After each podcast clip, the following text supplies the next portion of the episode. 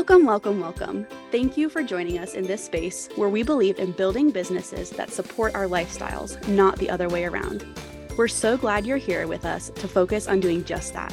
So grab yourself a nice hot cup of coffee, settle in, and get ready to hear from some amazing entrepreneurs in this space as they tell all the ways they have created their lifestyle business. Julie is an OBM and creative business strategist from Alaska. After working in the legal sector for almost a decade, Julie took the plunge into the OBM world in 2019. Now, she runs an online business management agency, and her happy place is partnering with six and seven figure entrepreneurs who have big ideas but need the support and systems of an OBM to simplify and shine. Okay, I am so excited to introduce our guest today. We have Julie on. She is one of my dear friends, an OBM, just a wonderful, all around great person. It's such a joy to chat with. So, I am not going to hold you back from getting to know this wonderful person. So, Julie, welcome to the show. We're so happy to have you. I cannot wait to talk to you guys. This is so exciting. Ah, yes and I was telling Nicole, you were one of the first people that came to mind for this because you just have such a wonderful story. And I feel like you really live up to creating a lifestyle business. So let's jump into how you have gotten to the point of realizing, like, oh my gosh, I'm starting a business. Here we go. How did that start for you? Well, I was working a little bit. So I had my daughter, and then I knew I didn't want to go back into the office nine to five. And for about two years, I did legal consulting. So I'd worked as a paralegal before, and I was able to do a lot of that work from home. And very rarely we'd have to go in for mediations and that sort of thing. But then when my son was born, it just became untenable. Like there was not enough of me to go around and to focus on that. And also, in retrospect, like maybe I wasn't working with my ideal most clients. So, like many of us, you know, I was on social media. I was actually listening to a podcast and I heard Mother Like a Boss. I don't know if you guys have ever followed her. She has such a fun podcast. And she had Micala Quinn on there who was talking about this world of virtual work. And I literally had zero confidence, like negative 20 confidence that it would work for me. But I thought, my son's going to be in kindergarten. I know I still want the flexibility. I know I still want to be able to go on field trips. And, you know, there's just something in me. I don't want to have to ask mm. permission every time I make a move. Or if my kid's homesick, I don't want to feel super guilty and not going to work or go to work and leave him home anyway. I just knew I didn't want that lifestyle. So I joined and just put one foot in front of the other. I just did exactly what she said to do, put my head down, and, you know, five years later, here I am. Here we are. I had no idea that you were a product of Micala Quinn as well and her OTO program. That's awesome. We all three have that in common, I think. Yes, back in the day, she was do- still doing it live.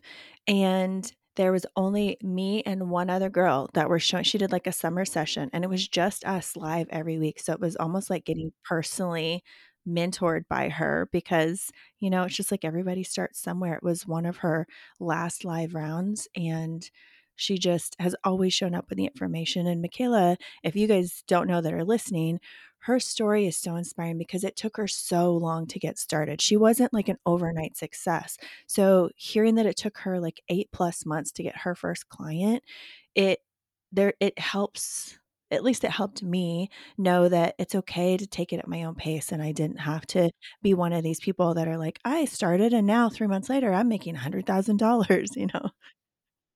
You see that a lot in the online space right now of people just like saying, you know, showing their income every month. And it's like, gosh, in the last four months, they've made $400,000 and it's intimidating. It really is. Yeah, I think I would agree with Nicole. It's tough when you see people be so successful right away or get clients right out the gate, right? And then you're sitting there and you're having problems getting clients or you're getting a lot of no's or you just like can't quite figure out where you want to land in the online space. It can almost make you feel like you're doing something wrong when you're not. Like you're just you're on your own path like you're saying and you're trying to work through this business on your own timeline and that's okay. It's not the same timeline for every single person. Just like creating this business is not going to look the same for every single person, you know. Well, and listen, as OBMs, we know that a lot of times, and I'm not saying all the time, but a lot of times there's a lot more to the story because, you know, whether it's through our clients or like, you know, people that we just know behind the scenes, there are people that they might be making $10,000 a month and they're spending $9,999. Uh, and so somebody who has just a solopreneur business, literally, I've seen this over and over again, could be making more money actually per month. They just don't have that like flashy metrics and stuff. So I'm not calling them liars, but I am saying that there's a lot more behind the scenes that we mm-hmm. don't see. And I love following people who keep it really real because we need to know, you know, not only from the people that are being successful and focusing on those numbers and those metrics so they actually have a profit margin, but you know, being able to sniff out like maybe this isn't exactly the whole picture and I don't have to judge myself based on this. Yeah, absolutely. So, when you are looking back over the course of your business, obviously you just shared you started your business as a result of your kiddo, which is so cool. Um, but when you look at how your business has progressed, how long have you been in business? I don't think you said that. About 5 years. I Okay. it might be coming up on 6 in April. Yeah. That's mm. crazy. That's that is admirable. I will say that. So, over 5, 6 years of business, I'm sure you've done some pivoting, you've done some, you know, readjusting of how you run things, etcetera. Would you be willing to share just a few things, like a few examples? Are there things that you have done in your business logistically or philosophy-wise that you have intentionally changed or pivoted in order to support your lifestyle better? Oh, 100%. You guys know there's been so many things, like, it feels like in the online business space, um, Sarah Noked always says the online business space is like dog years compared to the corporate world. It feels like everything happens in such a condensed amount of time. But one thing that I learned, and you know, in some ways we're still learning this, it's not like it's a one and done thing, but working with clients whose values match mine and that goes deeper a lot of times. Like people will pay lip service and say they have certain values, but trying to suss out who's actually living those values is really, really important because I have people who will say, I don't have kids. I work six days a week, but I would never expect that from my team. I would, you know, I want you to have all the free time you want. But in reality, they're messaging at all hours of the day, expecting a response. So, finding those clients who share those values and really appreciate and respect my values and boundaries has been something that I am uh, much better at doing now than I did in the beginning for sure. Yeah, I was gonna ask, do you have like was there a moment when you were like in with a client and thought to yourself like, "Oh man, this is this was a mistake." I think we've all been there at some point. Many. yeah.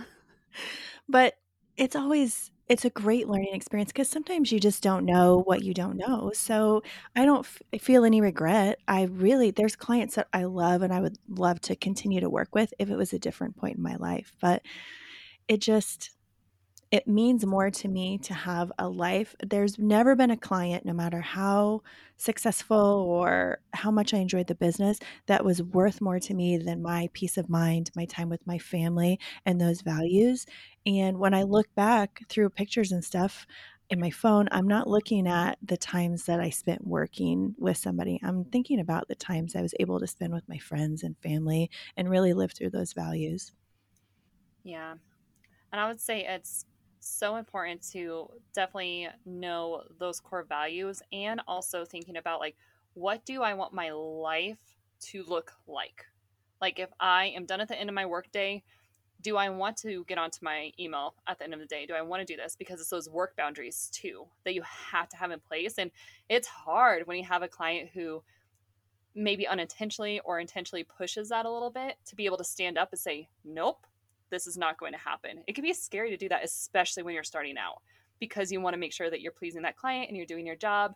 And at the same time, this is your business and this is your life, and you have to protect yourself. And I think that's something that I've had to learn a lot over the course of this. And I'm still bad at it because I'm naturally a people pleaser. I want to do good work. And somebody else is not in control of my schedule or in control of my day or in control of what I do after my work block. But you're really good, I know, Shay, from talking with you, with using technology to support your business. And so when I was transitioning, especially into OBM work, because OBM clients will eat you up and spit you out if you don't have good boundaries. And so I would use my, like on my phone, I would have certain apps or my whole phone shut off at a certain time of night.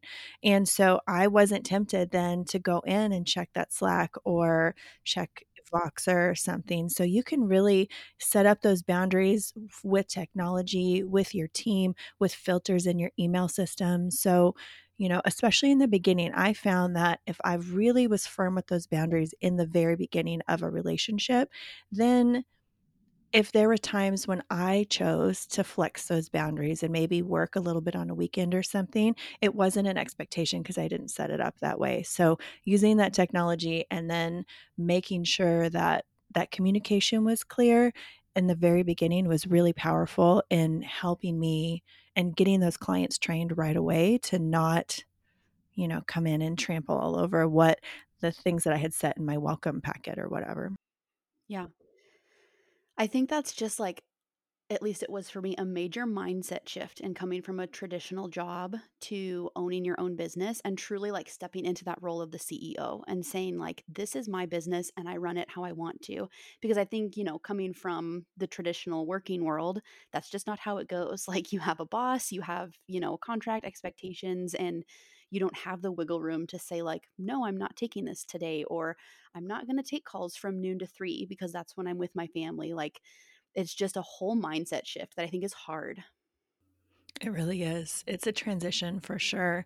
And, you know, doing a lot of interviews for people, I see people starting out and they'll say, Well, what are the expectations? When do you want me to work? And I say, When do you work? Like, that's it for you to tell us. You, if we have meetings and things and you're not available, that's completely fine. You set those boundaries. And I would say also, if you're interviewing for somebody, and they're not communicating something along those lines, then, you know, there might be some questions to ask because those expectations some business owners you know they they run their business the way they want and they'll outline you have to work these certain times and you have to do these things yeah for sure and i think it's having people like you in that space who are hiring support it's so important to have that because you are protecting those people too.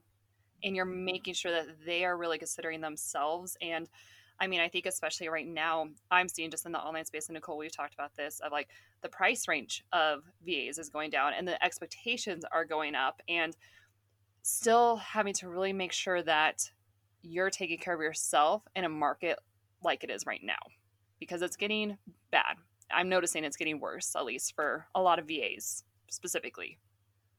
We've definitely been seeing a lot more job opportunities that have had big, long lists of requirements and experience and a lot lower rate than they ever had before, for sure. And, you know, as an OBM, my job is to protect the team. And so if you work with a business owner, who has an OBM, I think it's a lucky position because you can buffer that for the business owner. And so I will, and I have said to my clients, the expectation is not realistic. We can't ask for that turnaround. Or if we do, we need to make sure that that turnaround is compensated. There's a lot of things that sometimes people just need to hear, oh, this isn't like they work for a lot of other people. It's not just you they're working for. And so helping them set those expectations for the team can be a really nice place to be because not only are you protecting yourself and your own boundaries, but you're helping both sides, right? Because the team's going to be happier, they're going to stay longer, you're going to have that retention and not that like turmoil and turnaround.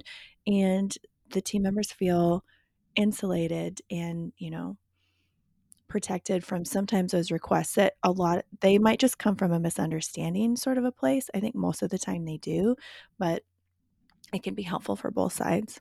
Yeah.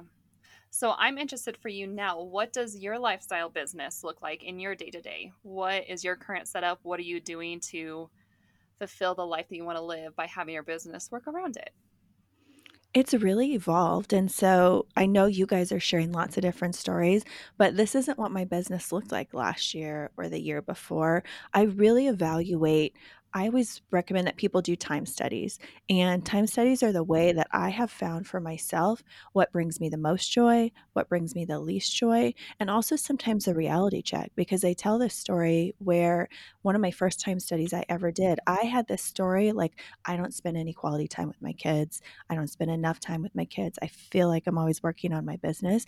And when I did the time study, the time I spent with my kids was so much more rich, and there was actually so many more hours and minutes of the day I was spending there than my brain was telling me at the time. So, even in the opposite, it can work that way. But I do quarterly time studies because with kids, my kids are what I affectionately call middle age now. They're not mm-hmm. toddlers, but they might have different sports. They're going to have different needs and activities in each se- season. And I still think about my family and my desires first before I think about my business. Mm. So I'm looking at what's coming up in this next season. What am I spending my time on now? Am I still enjoying that or am I not? So I've definitely, in the last two years, carved out friend time because the kids are in school. And the reality is, after school time, it gets into dinner time. Um, weekend time is kid and family time. So for me and my friends, we choose to meet like a couple hours during a weekday time when the kids are in school, because that way we can guarantee that like one on one friend time. So I have that built in now every week, and it's something that has filled my soul and I love it. And it's my favorite day of the week still. I look forward to it so much. So, I think with the time study and that, I've built in and blocked off my calendar for what works for me. And you know, that might be podcasting on a certain day, content creation on a certain day, things that support my business. Like I do 30 minutes of accounting every Friday because I don't want to be stressed out and spend 10 hours at the end of the year trying to sort out all that stuff. Mhm. So even things that feel like more of a chore, I've built in because it supports me and it overall helps me feel really connected to my mm-hmm. business and also like in charge and in control of what things are going on. I feel like there are so many things in business, like you just mentioned accounting. Like there are so many things, content creation, sending out your newsletter, posting on social media, like the list goes on and on. And if you're not making intentional time for that, it does, it like blows up in your face. Like I've had those times before where I'm like, I'm going to have to work all weekend, like because I'm so far behind on things that I just wasn't keeping track of. And so coming up with that system of saying, like, on Fridays, I do this, you know, this is a mm-hmm. recurring task in my Google Calendar of this is when I sit mm-hmm. down and do this. And it's not going to bleed into all the other spaces of my life. It took me longer than I like to admit to like figure that out. I think all of us, because if we have, you know, there's some principle, I can't remember what it's called, but like the thing that we have to do will fit into the time we have for it, whether it's 10 minutes or 10 hours. So I was mm-hmm. definitely, it was the longest transition too for me to be able to not work on the weekends because I'm like, oh, I'll just, I'll finish this on the weekends. But, you know, having a good planner and finding one that worked for me and making sure my core things were getting done first, even if I really didn't want to do them. And then the rest of it was just sort of like frosting, you know, it all worked out. I love that. Yeah. That's awesome. Something my husband and I talk about quite a bit is I'm sure you guys know this analogy of like you have the glass jar and you have like the big rocks and then like the small pebbles and like what are your core things? And for me, that's lifting, that's time with family. And then that's also just some of the other random things in my life, right? But having those core things is like that's what comes first. That's what everything is planned around, and then everything else falls into that.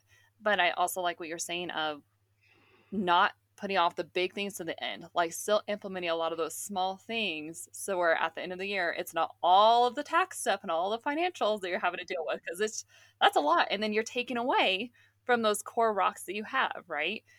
So putting in the small things and getting them done with because we all avoid it, unfortunately. so, what would be your one piece of advice that you would want to leave someone with on a how they can create a lifestyle business for themselves. Like maybe it's something that was the biggest game changer for you, or just something that you would want to give as a piece of advice to someone who is listening. I would say for people listening, you're not doing it wrong. Like, there's no way to have your own business and to do it wrong. Um, part of being an OBM, you get to see how different people run their business behind the scenes.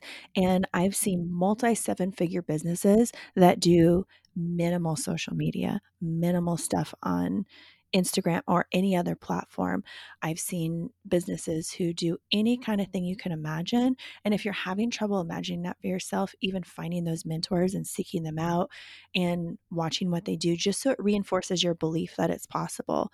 You can work the amount of hours you want. I mean, we're not talking about unrealistic expectations. If somebody came in and said, I want to work one hour a month and bring in $10,000 um, net, it's possible, but you're going to have some work up front. But just with all the other things, like you can schedule your day how you want.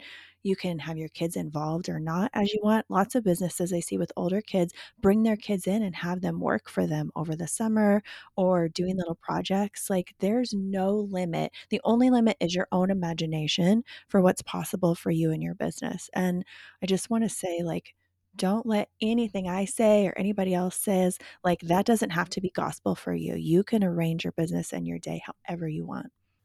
Ah, uh, so good. And something that we 100% agree with. We've talked about this of just, it's your business, it's your thing.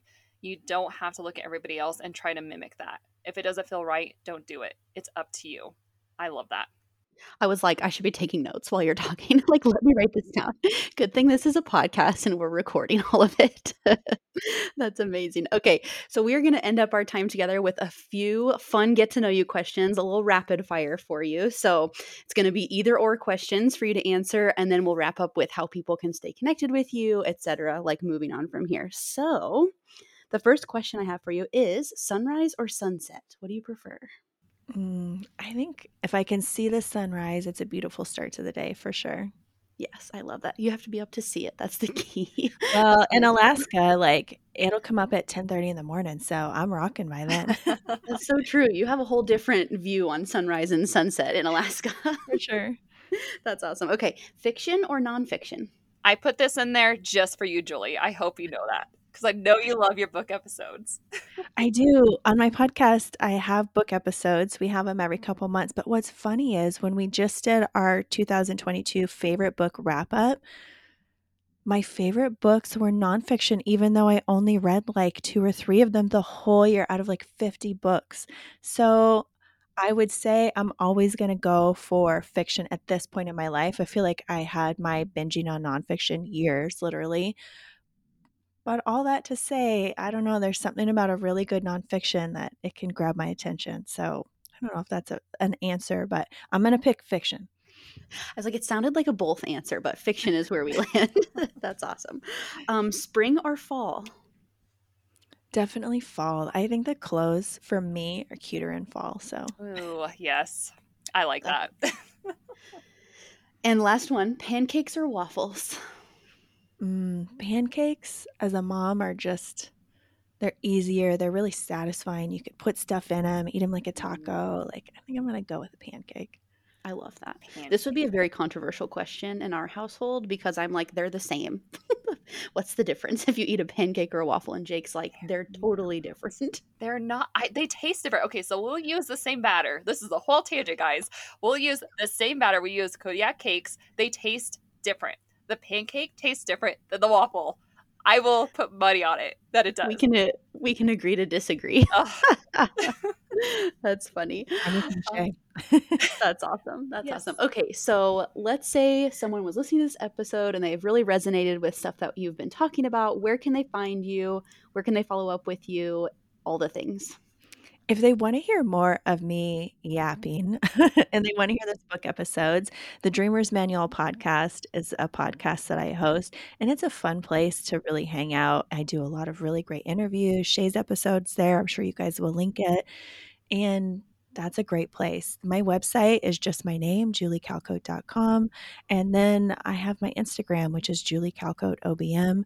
Kim helps me do a lot of really fun reels in there. She just had one where there was like a dumpster fire floating by on water. You know, that's awesome. All of my links are in that um, bio at Instagram. So if you are like, I'm curious where the podcast is or where the website is, anything is just linked in there. It's easy to to find. Perfect. That's awesome. And if somebody was wanting to work with you, what services do you offer? I, depending on when you reach out, I have limited avail- limited availability for retainer clients. Currently, I don't have any openings right now, but I might have something in the spring. I also have some fun VIP day options where I can come on and help you get lined out and get ready to hire a team, get help you do the hiring for the team member, which is such a joy and so much fun. And I also help people really hone in on their podcasts and their podcast topics specifically when they want to pitch and use that as a marketing tool to be on other people's podcasts, which maybe seems like it's slightly different for, from what I'm doing, but it's really not. My background is in podcast management and when you have an OBM client, they're either they either have a podcast or they want to be on podcasts. Like I've kept my hands in that space and it's just such a fun place to be able to help be able to see the label on people's jars and bring out that awesomeness that they have and help them mm-hmm. share that with the world. Yes. And I will say, if you haven't listened to Julie's podcast, it's amazing. And what she was sharing here of just being very real and honest and open, she does that on her podcast, which I appreciate so, so much because it's needed in this space. Even if it's spicy and people don't agree, it's still worth listening to. And she has fun book episodes. So go listen.